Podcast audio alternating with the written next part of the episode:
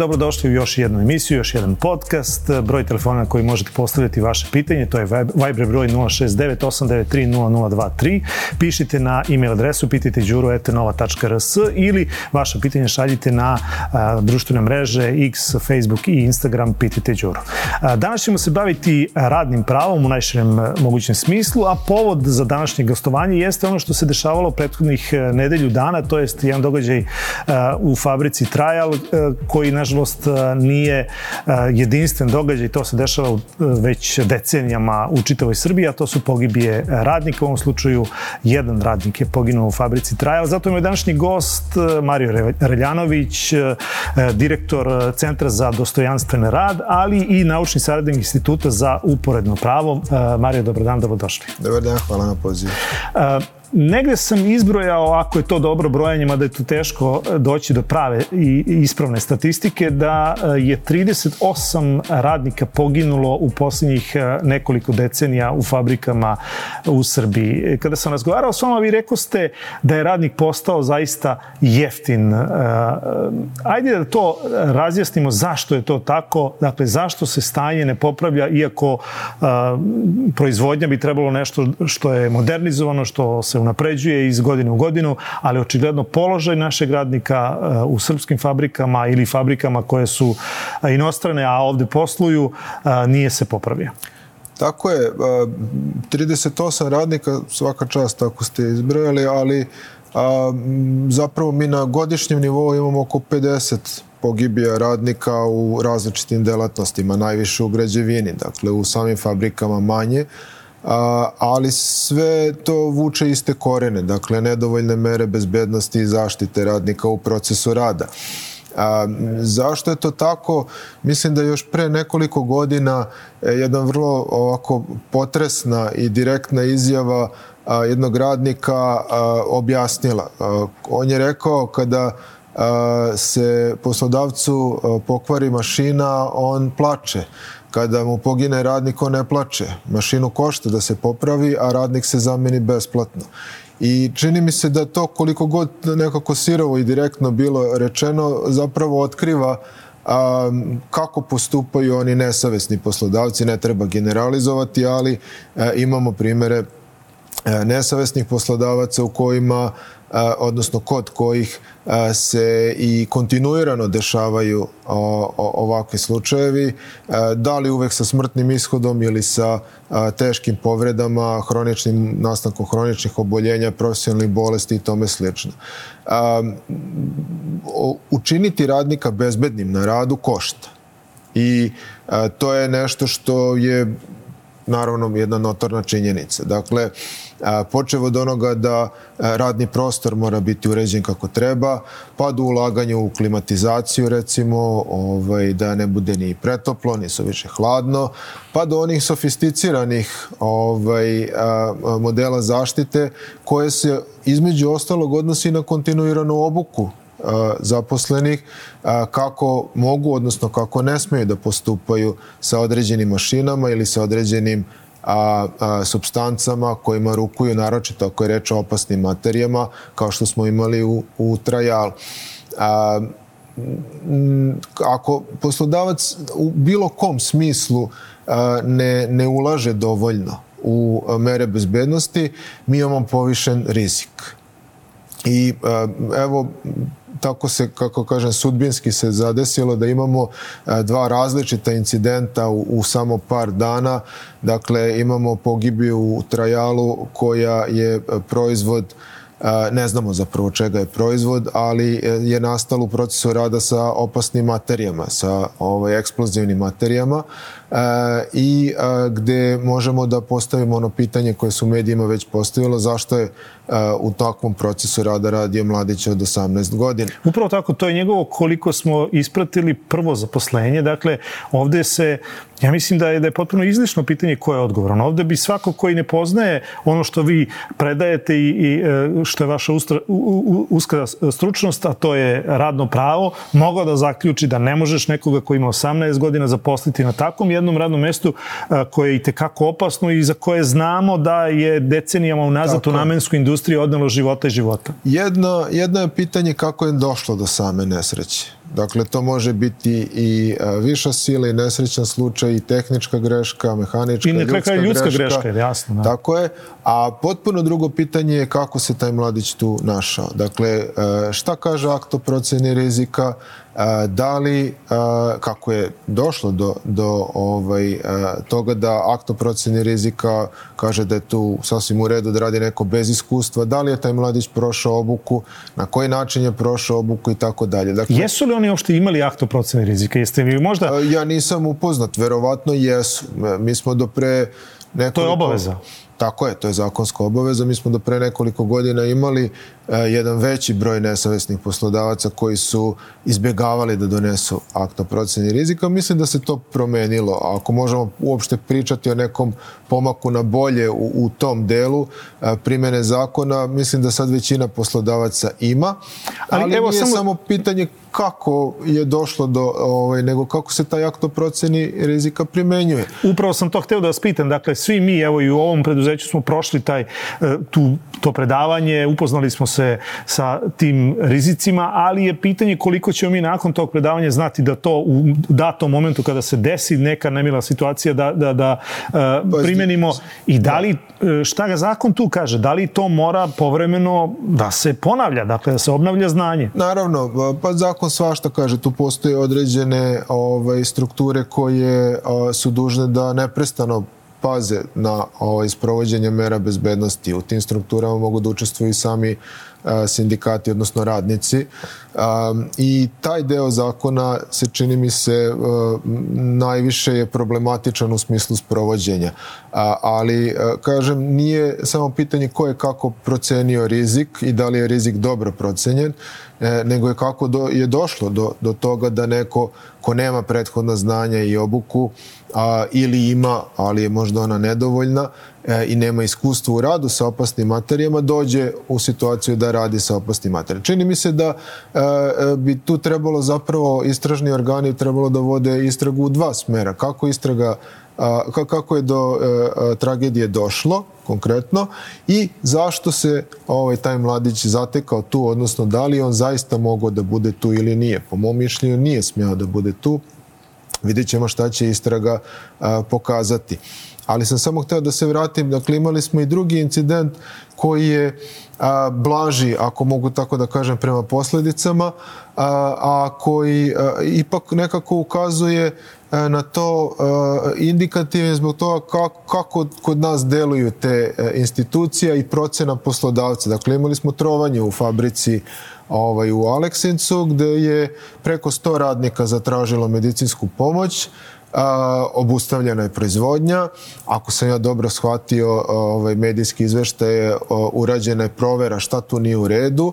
A, poslodavac je odlučio da je sasvim u redu da se o, proizvodnja vrati i onda je naredna smena opet prijavila trovanje. Dakle, imamo još sad 50-ak ovaj, otrovanih radnika. Tako da, a, vrlo je to zanimljivo a, a, taj to odmeravanje kod poslodavca interese da li je, e, e, kako kažem, značajnije sačuvati zdravlje ili živote radnika ili, a da jedna smena ne odradi šta treba, ili po svaku cenu nastaviti proizvodnju da bi gubitak bio manji. Ali ono što sad, kad slušam ovo, moram da vas pitam sledeće. Dakle, ako je 50 radnika bilo otrovano i završilo e, neko sa lakšim, neko sa težim posledicama, pa onda ukupno ako saberemo tu cifru, to, to je 104.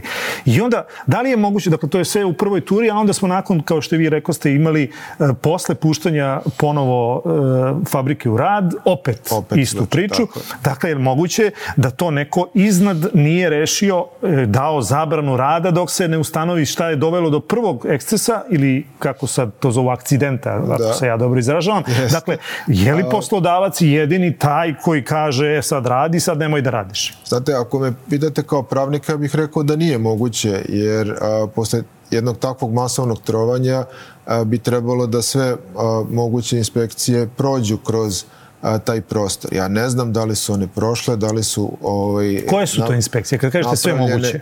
izveštaj, pa pazite, za početak inspekcija rada. Znači, Dobro. to e, svakako, o, kako da kažem, je osnovna inspekcija. A, da li će se pojaviti neke druge, inspekcija za zaštitu životne sredine ili još neki inspekcijski organi, to je pitanje u odnosu na to što ovi prvi pronađu. Dakle, prema zakonu inspekcijskom nadzoru, inspektor koji uoči neke druge nedostatke, dužan je da obavesti i ostale inspekcije.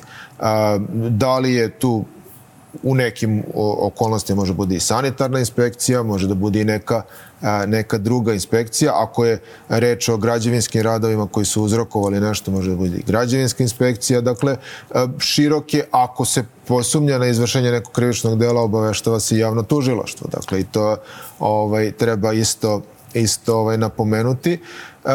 ali osnovno da izađe inspektor za bezbednost i zdravlje na radu, i da to su ljudi koji su visoko obučeni, dakle inženjeri, nepravnici, koji znaju da procene koji su to rizici i od čega mogu da nastupe određene posledice. I a, ako oni daju zeleno svetlo, to je u redu. Ako ne, prema zakonu o bezbednosti za zaštiti zdravlja na radu, oni mogu da zatvore radni prostor koji je nebezbedan po radnika. E, da li su oni od, o, obavili svoj posao ili je sve ostalo na internoj komunikaciji inspekcije sa poslodavcem koji je dao garancije da je, da sad, to neće da je ponoviti. sad radni prostor bez, bezbedan, ja to ne znam, dakle nisam imao prilike da saznam, ali svakako uh, pokazuje kako sistem zapravo ne funkcioniše. Upravo sam to hteo da vas pitam. Dakle, ako znamo sve ovo, dakle, je li moguće, u, za početak, koliko ima tih inspektora rada? Na teritoriji Srbije znate li koliko, sa kojim, u kom broju mi govorimo? Da, ja ne znam tačnu cifru, pošto se ona praktično menja. I ne zna. Ovaj, pa zna se u, u godišnjim izveštajima inspektorata za rad se ona objavi sa izvesnim zakašnjenjem za prethodnu prethodni presek godišnji, ali a, generalno ima recimo između 230 i 250. Je to dovoljno? Pa to nije dovoljno. A, nije problem samo u broju inspektora, on bi svakako morao da bude veći. E sad kad pogledamo uporedne standarde, on ne mora da bude mnogo veći da bi bio dovoljan prema tim uporednim standardima. Međutim, mi kod nas imamo jednu specifičnu situaciju što ti inspektori rada i nemaju povoljne uslove rada. Dakle, a, imamo situaciju gde inspektor rada kontroliše 40-50 kvadratnih kilometara na kojima se nalazi nekoliko hiljada poslodavaca, a da nema auto. Dakle, mora da ide javnim prevozom. Ako nema javnog prevoza do nekog ovaj, perifernog naseljenog mesta, što se dešavalo da meni inspektori rada pričaju u manjim mestima, da je poslodavac se nalazi u nekom selu i sad meni inspektor rada kaže imam jedan autobus do tamo i jedan nazad. Ja dok ne krene taj autobus za nazad moram da završim inspekcijski nadzor šta god da pronađem, jer ako se ne vratim, nemam čime da se vratim. Dakle, to su možda banalne situacije, ali to se dešava inspektorima rada na terenu. Dakle, nije da li je, samo broj. Da li je sam i... sistem e, pogrešno napravljen? Jer mi ovde sad pričamo Naravno. o posledici. Dakle, sad je ovde izašla inspekcija rada kad su se ljudi potrovali. A, je moguće da, da ne postoji neki plan i program te inspekcije rada, ne da ona funkcioniše po principu kad se nešto desi, onda se poziva na teren A, ili po nečoj prijavi pa, evo, u radnom da. pravu i tome slično? Upravo sam nešto slično hteo i uh -huh. da mhm. kažem u nastavku. Dakle, Problem su i ovlašćenja inspektora rada. Ona, po mom mišljenju, moraju da budu značajno veća, da može da se zaista kvalitativno utiče na proces rada. Dakle, samo pokretanje prekršajnog postupka za poslodavca ne znači mnogo jer se on relativno lako može izvući, ako mogu tako da kažem, u tom postupku. Dakle, može proći nekažnjeno, zastari prekršajni postupak ili se izvuče sa, dobije minimalnu novčanu kaznu, čime imaju krivičari taj neki izraz, se pokazuje isplativost praktično kršenja zakona.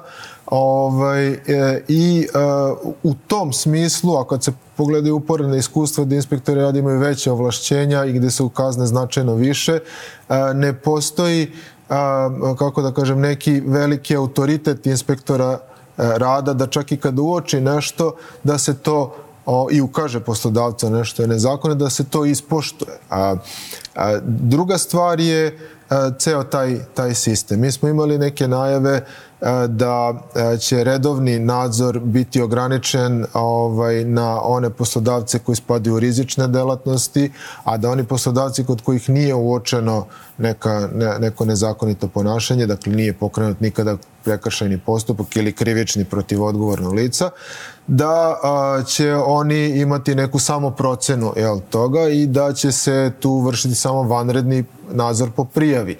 A, to jeste dobra ideja. E, mi imamo i a, funkciju, odnosno tu neku instituciju a, objedinjenog inspekcijskog nadzora, gde a, inspektor za radne odnose istovremeno kontroliše i bezbednost i zdravlje na radu i obrnuto, inspektor za bezbednost, pošto jednih i drugih ima oko 100, 100 i nešto, i ako rade objedinjeni nadzor, onda se praktično udvostručuje njihov kapacitet.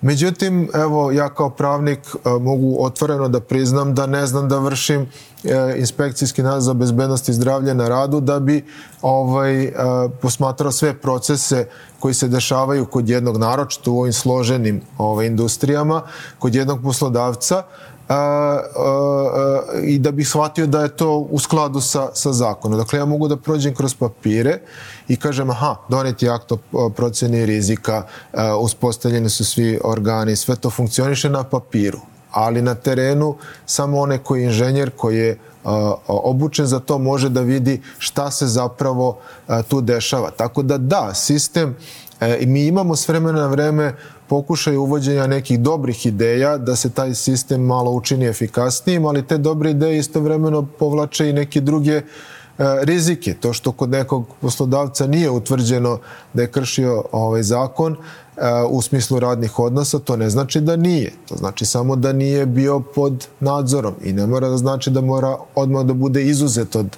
od tog e, nadzora. Rešenje bi bilo postaviti sistem potpuno drugačije. Dakle, osim mnogo više inspektora rada, ja na neki način e, se osjećam sa njima. Mi uvek imamo priče i o korupciji, o inspekciji rada i o političkim pritiscima i sve to uglavnom ovaj, postoji. A, ali a, najveći deo inspektora rada ne može da dođe do izražaja. Mi smo imali situacije gde a, poslodavac fizički udaljava inspektora rada iz radnog prostora, dakle obezbeđenje poslodavca. Da li inspektor rada da može tražiti dešava. asistenciju policije? Pa može tražiti i a, asistencija policije se odvija uglavnom u onim situacijama kada a, se očekuje da a, će postojati na osnovu prethodnog ponašanja poslodavca, ako je već e, izvršen nadzor, pa je bilo određenih problema, e, ili ukoliko se traga za ovaj, radom na crno, dakle ne, neprijavljenim radnicima i u nekim situacijama u kojima policija proceni da je rizik takav da bi trebalo da prati ovaj, inspektora rada. I e, te zajedničke akcije policije inspektorata za rad se i odvijaju. Dakle, one su, nemo kažem, redovne, svakodnevne, ali se odvijaju uvek kada, naročito ako je procenjeno recimo da postoje žrtve trgovine ljudima kod poslodavaca ili tome slično, onda po pravilu policija je taj koja vodi, a inspektor rada je onaj ko ovaj, prati akciju policije. Ali E, e, mislim da ono što ste želeli da pitate, a, mislim da je to na nivou ipak izuzetka i da a, inspektor rada u redovnim okolnostima ne može da računa pre nego što krene u na inspekcijski nadzor na asistenciju policije. Pomenuli ste rad na crno. E, kakva je sad statistika u odnosu na prethodni period kad znamo da e, je velika većina, pogotovo privatnih e, poslodavaca, e, pola isplaćivala na račun ono što je morala, dakle onaj minimalac, a ostalo je to bio keš na ruke. Pa e, i tu imamo vrlo pitanje odlično i zanimljivo zbog toga što udara baš u onaj konflikt koji mi imamo ovaj, kako mi definišemo rad na crno. Dakle, ako gledamo Međunarodnu organizaciju rada, ona to zove undeclared work, neprijavljeni rad. Tako da svako ko e, nešto dobija, a, a da nije prijavljeno, u smislu da se na to ne plaćaju porezi i doprinosi, e, se smatra radnikom na crno, odnosno neprijavljenim radnikom. A, ako tako gledamo, mi e, radnika na crno imamo zaista mnogo. Dakle, precizni podaci ne postoje. Okvirni? Ali, ali ovaj, pa ja ne smem da licitiram sa mhm. okvirnim. A, mi u anketi o radnoj snazi e, imamo to izjašnjavanje da li radite po nekom ugovoru ili bez ugovora. Taj procenat navodno pada, on je neko vreme iznosi celih 20 odsto, što bi iznosilo skoro pola miliona ljudi koji rade na crno. A, e, sada je navodno pao na neki 12-13, čini mi se, ovaj, procenata. E, što čini mi se možda i nije objektivan kriterijum. Dakle, e, pitanje kako ljudi percipiraju to da li imate ugovor, da li radite sa ugovorom ili ne, naročito zato što su neki u zabludi da imaju ugovor, odnosno da su prijavljeni, a njih je poslodavac umeđu vremenu odjavio. To se e, nekada dešavalo na nivou statističke greške, a sada se čini mi se dešava mnogo, mnogo češće. Dakle, oni ne znaju da, nis, da su neprijavljeni. A kako to preduprediti? A, pa to ne možete preduprediti. Dakle, to možete preduprediti samo... Kad odete kod lekara, pa on kaže nimam uplaćeno zdravstveno. Tako je. Najčešće se tako i otkriva, ovaj, budući da ljudi vrlo redko proveravaju stanje u ovaj, penzijskog staža u o, fondu penzijskog invalidskog osiguranja. Najčešće otkriju kada se razbole i kažu pa vama, znate, nije overena knjižica ili kako se to sad već naziva. I šta onda? Ovaj, I to ide na sud, šta se dešava? Pa da, to uh, može da se prijavi uh, inspekciji rada, inspektor rada može da naloži uplatu ovaj, tih doprinosa uh, um, i prijavu jel, za, za ubuduće. A, može da pokrene, odnosno pokreće praktično odmah i prekršeni postupak.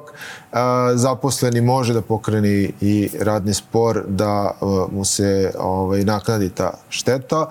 A, a, kod nas postoji i, i ta, ta ovaj, nova dilema o tome a, da li, a, budući da je Poreska uprava nadležna i za porez i da, za doprinose, da li uopšte zaposleni može da tuži samo za doprinos, za isplatu, odnosno uplatu doprinosa, ako je zarada isplaćena ili je za to nadležna Poreska uprava. A, dakle, to, tu sudska praksa malo, malo ovaj, luta. A, tako da a, postoje ta neka pravna sredstva, ona nisu savršena, ona mogu da dovedu do nekog rezultata, ali a, to zavisi sada u mnogome rekao bih manje od sistema koji je jako trom, neefikasan spor, nego više od e, dobre volje poslodavca. Je li taj sistem rešio e, problem koji smo imali, mislim da ga i dalje imamo, samo se sad toliko ne priča kao što se pričalo pre godinu, dve dana, kada smo imali i primere za to, a to su e, strani radnici u Srbiji. Dakle, uh, videli smo šta se dešavalo u, u, u fabrici u Zrenjaninu, da faktički naši ljudi, naši uh, ljudi iz inspektorata nisu mogli tamo da priđu fizički, im je to bilo zabranjeno, čak i medijima koji su to hteli da isprate. Kako je tu stanje? Da, pa uh, ja sad nisam siguran za inspektore, mislim da su oni izvršili inspekcijski nadzor ovaj, u, u, u Zrenjaninu, da u Boru nisu mogli da uđu. Ja, moguće, da. Nekako, ali ovaj, evo ovako, dakle, kada pričamo o e, zapošljavanju stranaca, 2023. E, godine je zapravo ovaj, donela te izmene i dopune zakona o strancima, zakon o zapošljavanju stranaca, iako je bio najavljena, bila najavljena dopuna zakona o državljanstvu, to se nije desilo. I čini mi se da su te izmene kvalitetne. Dakle, one idu u pravcu suzbijanja onih e, negativnih trendova koji su se javljali u ovaj, u praksi naročito oko zloupotrebe određenih a, a, modela angažovanja stranih radnika, ono kretanje kroz privredno društvo ili upućivanje na rad u inostranstvo, u inostranstvo u slučaju Srbija, ovaj, a, gde su postojale značajne, značajne zloupotrebe, ovaj zakon izmenjeni ide ka tome da te zloupotrebe spreči. Ono što smo mi imali ranije e, jeste da inspekcija rada se odriče od svoje nadležnosti u jednom delu, dakle kaže mi smo nadležni za bezbednost i zdravlje na radu, ali i ne za radne odnose stranih radnika, što nije bilo tačno. Sada zakon izričito predviđa nadležnost inspekcije rada i u tom slučaju i to je dobro. E, šta, međutim, treba uzeti sa, sa, sa jednim oprezom sve to. Zbog čega? Zato što ni prethodni zakon nije bio tako loš pre izmena. E, njegova primjena je bila vrlo sumnjiva. Eh, ako pogledamo Ling Long posebno, jel? Ovaj, je, mislim da, da je tu na delu bio potpuni namerni, ako mogu tako kažem, samo uništenje sistema namerni raspad sistema gde niko namerno nije reagovao na nešto što su bile očigledne činjenice koje je posle uzeo u obzir i Evropski parlament, uzeo u obzir i State Department koji je stavio ovaj, kako kažem, spustio ovaj, kategorizaciju Srbije u odnosu na trgovinu ljudima baš zbog a, tog incidenta koji je nereš, ostao Jer tu se očigledno nerešen. radilo o robovskom radu. Tako je, tu se radilo o klasičnoj trgovini ljudima radi u svrhe radne eksploatacije i o nečemu što mi radnopravnici zovemo položaj sličan robovskom, odnosno robstvu. A, tako da a, a, ja sam pozdravio lično e, te izmene zakona i smatram da su one dobre, idu u dobrom pravcu, ali moramo da vidimo kako će one biti primenjene. Ako imamo njihovu selektivnu primjenu ili odsustvo primjene kao što smo imali do sada, onda se ništa neće promeniti, onda su i dalje strani radnici koji dolaze e, u velikom riziku od toga da postanu žrtve trgovine ljudi. Direktor ste Centra za dostojanstven rad, da li e, naši radnici državljani Srbije koji rade u stranim kompanijama, da li su oni dostojanstveni radnici kao njihove kolege u inostranstvu ili u bar u, u, zemljama odakle dolaze te kompanije. Dakle, da li, šta, zašto vas to pitam? Dakle, ako naš radnik ne sme u WC pa nosi pelene, da li to isti taj radnik radi tamo negde u nekoj od tih kompanija koja je došla ovde i e, sa jeftinijom radnom snagom zloupotrebljava ove naše rupe u, u sistemu? Da pa zloupotrebljava ili sama stvara te rupe. Ovaj, um, ja ne bih generalizovao jer postoje strane kompanije koje se vrlo dobro odnose prema svojim radnicima, ali ako gledamo ove uh, probleme koji su uh, medijski obrađeni, pa čak i one koji se javljaju, ali nisu toliko medijski bili propraćeni, vidi se određena šema ponašanja koja se svodi na to da strani poslodavci koji dođu u Srbiju imaju tendenciju da učine proces proizvodnje što jeftinijim, odnosno da u tom procesu proizvodnje gledaju najviše da uštede na ovaj radne snasi. Dakle, na radnicima. E, I u tome e, na neki način imaju podršku radnog zakonodavstva Srbije koje nije najblaže rečeno nije sjajno, dakle koje ovaj, osim što dugi niz godina nije ni menjano, poslednje izmene koje su izvršene su bile uh, užasno loše i ovaj, uh, pomerile su tu granicu minimuma prava radnika uh, još naniže. A, a ponekad e, se meni čini, i to nije ovaj, samo moje usamljeno mišljenje, da oni deluju svojevrsno eksteritorijalno, kao da se ne nalaze u Srbiji, pa vrlo selektivno poštuju a, zakone radnika. Ima li tu načina da se te stvari preduprede u smislu da ako država garantuje za određenog stranog investitora za kog e, se svojstveno e, opredeljuje u smislu trudi se da ga predstavi javnosti kao nešto što je dobro za građane Srbije, e, nešto što će puniti budžet, e, nešto gde će e, radnici biti zadovoljni, a onda imamo kada ti isti poslodavci potroše beneficije koje im je država dala i nestanu sa tržišta, da radnici onda ostaju na zelenoj travi i pojeo Vuk Magare, nikom ništa. Dakle, imali tu sistema koji bi obezbedio radnika, a ne državu, a ne poslodavca. Možemo da se e, vratimo još jedan samo korak unazad i da sagledamo tu ekonomsku politiku u celini. E, dakle, ono što mi radimo je Međunarodna organizacija rada još početkom 2000-ih, čini mi se, nazvala trka do dna.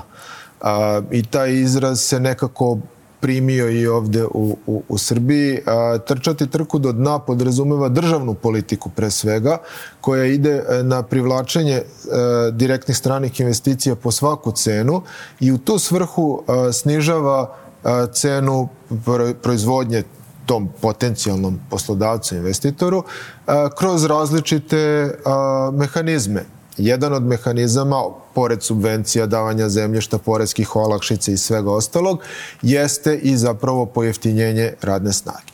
E, kada pogledate na taj način, onda shvatate da država zauzima jedinu moguću poziciju koju može u toj ekonomskoj politici. Dakle, ekonomska politika je pogrešna u celini i treba ići ka ovaj, nekim drugim rešenjima kada je reč o privlačenju stranih e, investicija a ne u okviru ove sadašnje politike ići ka nečemu drugom. Jer e, ne bih opet da generalizujem, ali mnogi e, strani poslodavci koji dođu, oni dođu zato što upravo i samo zbog toga e, što im se obećavaju subvencije, što im se obećavaju besplatno zemljište, besplatni objekti, poreske olakšice i tome slično i što im se obećava određena autonomija u ovaj primjeni zakona, to sam vrlo sad diplomatski rekao, dakle, e, to nije nikad predmet ugovora, jel? ali oni dolaze u sredinu u kojoj im se jasno stavlja do znanja da oni mogu svesno da primene minimum nekih e, zakonskih standarda, ako baš negde odu i ispod minimuma, da neće trpeti posledice. to je sve deo ne pravnog sistema, nego politike koja ide ka tome. I ako a, pogledate unazad nekoliko godina, a, kad god smo pričali o tome da neki strani investitor grubo krši zakon, znači bilo je primjer Jure, pomenuli ste Pelene, a, pa onda Ling Longa, znači a, još nekih, nekih poslodavaca, uvek smo imali reakciju i predsednika Vučića i generalno vlasti da mi ne smemo da pričamo tako jer ćemo oterati strane investitore, a nikad nismo uh, uh, ušli zapravo u priču koliko se nama ti investitori isplate e, i zašto, bi, zašto ih ne bi oterali. Znači šta nam je ta neka alternativa. Prema ovoj politici zvanična alternativa ne postoji, što je vrlo jedan opostan i pojednostavljen prikaz uh, prikaz stvari. Naravno da uvek ima alternative i naravno da odnos države pre svega treba da bude drugačiji. Ti poslodavci se ponašaju daleko bolje prema svojim radnicima u matičnim zemljama ili prema radnicima u nekim drugim zemljama recimo Evropske unije. Znači, kojima... do nas je nije do poslodavca do našeg sistema? Potpuno je legitimno očekivanje poslodavca da on želi da maksimizira svoj profit. Um, sad, na savesti mu je da li će to raditi to kršenjem zakona ili samo iskorišćavanjem u postojećem zakonskom ovaj, okviru. A, mislim da ne možemo očekivati od poslodavaca da a, će oni sami dobrovoljno uvek poštovati a, zakone Republike Srbije ako vide signal a, od vlasti da te zakone ne moraju da poštuju da to na neki način opciono, iako ne bi trebalo da bude. I evo za kraj, uh, u neke dve teze i jedno pitanje, ili, ili ajde može i obrnuto. Uh, negde sam pročitao da ste rekli novinari se brinu o tuđim radnim pravima, a svoje ne poznaju. I to mi je uh, vrlo interesantno, zato što nekako čini mi se kroz, kroz praćenje radnog prava da je sindikalizam nešto što se prevashodno vezuje za državna preduzeća, to jest za, za javna ili kako god ih sad nazvali, dakle državna preduzeća, a da kod privatnika to nije slučaj. Dakle, evo, možemo uzeti u obzir i našu kompaniju, ja koliko znam nema, nema sindikata, ima sigurno pre nekoliko stotina zaposlenih. Dakle, šta zakon tu kaže? Postoji li obaveza za to? Pa pazite ovako, znači kada je reč o novinarima ja uvek ističem da je novinarska profesija specifična jer je dvostruko ranjiva. Ona je ranjiva i u odnosu na sve ovo što se inače dešava svim radnicima, a još je ranjiva i zbog toga što se tu, što je pogodna zbog svoje sadržine. Jel? Ovaj, za primjenu onih fleksibilnih oblika rada van radnog odnosa koji a, su cela jedna posebna, posebna priča i u kojima praktično ni ne postoji zakonsko pravo na sindikalno ovaj, udruživanje.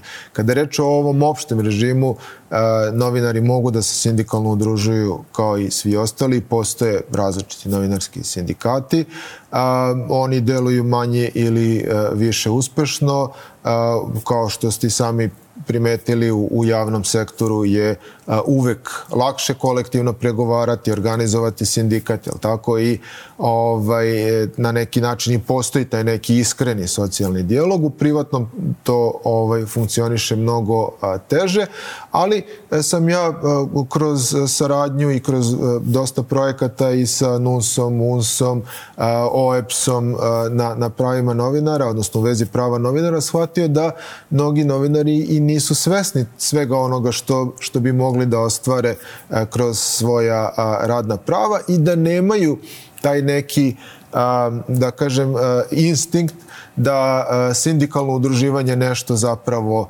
znači, da može da im donese neku korist i oni nisu usamljeni. Mi nikada u Srbiji nismo imali zapravo prave sindikate. U doba socijalizma oni su bili podređeni državnim strukturama, kasnije e, su se razvili iz njih e, i stari i neki novi sindikati, ali oni nikada nisu delovali na nekom slobodnom tržištu i neka prava smo mi uzimali zdravo za gotovo. Pa šta onda mora da se desi da mi 1. maja nemamo roštiljadu, nego da imamo proteste radnika koji nisu zadovoljni svojim, svojim, e, svojim to radnim je, mestima, svojim platama, uopšte svojim ovaj, radnim okruženjem? Da, to je odlično pitanje. Ja nisam siguran šta mora, po mojoj proceni bi već trebalo Jer mi da to onda najbolje imamo... živimo u Evropi s obzirom da vi možete vidjeti 1. maja i u, i u Parizu, i u Londonu, i u Berlinu, dakle u zemljama koje su i tekako ekonomski Tako na je. većem a... nivou razvoja nego mi, pa imate stotine hiljada ili desetine hiljada ljudi na ulicama. Tu su dve osnovne razlike. E, prva je sama ta kultura bunta, e, koja je daleko izraženija jer su ljudi u Parizu ili Atini ili gde god e, nekako navikli da i na najmanju pomisao. Videli ste koliki su proteste bili za, u vezi izmena Makronovog zakona o radu u Francuskoj. Dakle, kod nas je zakon o radu izmenjen drastično nepovoljnije od tih izmena u Francuskoj, a da nismo imali gotovo nikakve. Imali smo jednodnevne proteste 2014. Dakle, ne postoji ta kultura protesta i druga stvar koja je jako važna jeste da e, postojeći sindikati nemaju veliki mobilizacioni potencijal. Dakle, u Francuskoj ili u Grčkoj, Grčka je recimo odličan primjer, ali i Francuska. U Francuskoj je stepen sindikalizovanosti isto nizak. Dakle, nisu svi članovi sindikata, ali kad neki sindikat pozove na organizovanu borbu i kaže mi moramo da protestujemo zbog toga i toga zato što će se inače desiti to i to, onda izađe stotine hiljada ljudi od kojih 80% nisu članovi tog sindikata ili nisu uopšte članovi sindikata. Kod nas nemamo e, tu percepciju, nekako se sindikati e, više e, vide kao neko ko može da obezbedi ogrev, zimnicu ili ne znam neku sitnu beneficiju radnicima, a za ove ostale stvari ćemo se sami izboriti ako se izborimo. Međutim, sindikat prevashodno mora na tome da radi i e, mi smo nekako zaboravili da su radna prava, ova savremena radna prava osvojena, niko ih nije poklonio. I u tom smislu, sada kada neko želi da nam ih uzme, mi moramo da pokažemo neki otpor. Ako ne pokazujemo otpor, onda ćemo, to je onaj sindrom kuvane žabe, malo po malo ćemo biti potpuno obareni. Znači, ako ja mogu da zaključim za kraj umesto vas, kod nas sindikati očigledno brinu o tome kakav će biti taj roštilj, a ne da tog roštilja ne bude, to je da imamo što bogatiji roštilj Opet u da nekim da uslovima pre ili posle 1. maja. Ne bi da generalizujem, ali realno mislim da je potrebno da imaju sami sindikati imaju mnogo drugačiji svih ostalih dana odnos prema radnicima da bi radnici ispratili njihov poziv tog 1. maja da se pojave na ulici. Mario, hvala vam puno na izdvojnom vremenu, hvala na odgovorima. Na hvala još jednom. Moj gost bio Mario Reljanović, direktor Centra za e, dostojanstven rad i naučni saradnik Instituta za uporedno pravo, a e, broj telefona otvoreni za vaše pitanje, Viber broj 069 893 0023, pišite na X, Facebook i Instagram mrežu Pitajte Đuru ili vaše pitanje šaljite na e-mail adresu pitajteđuru.nova.rs.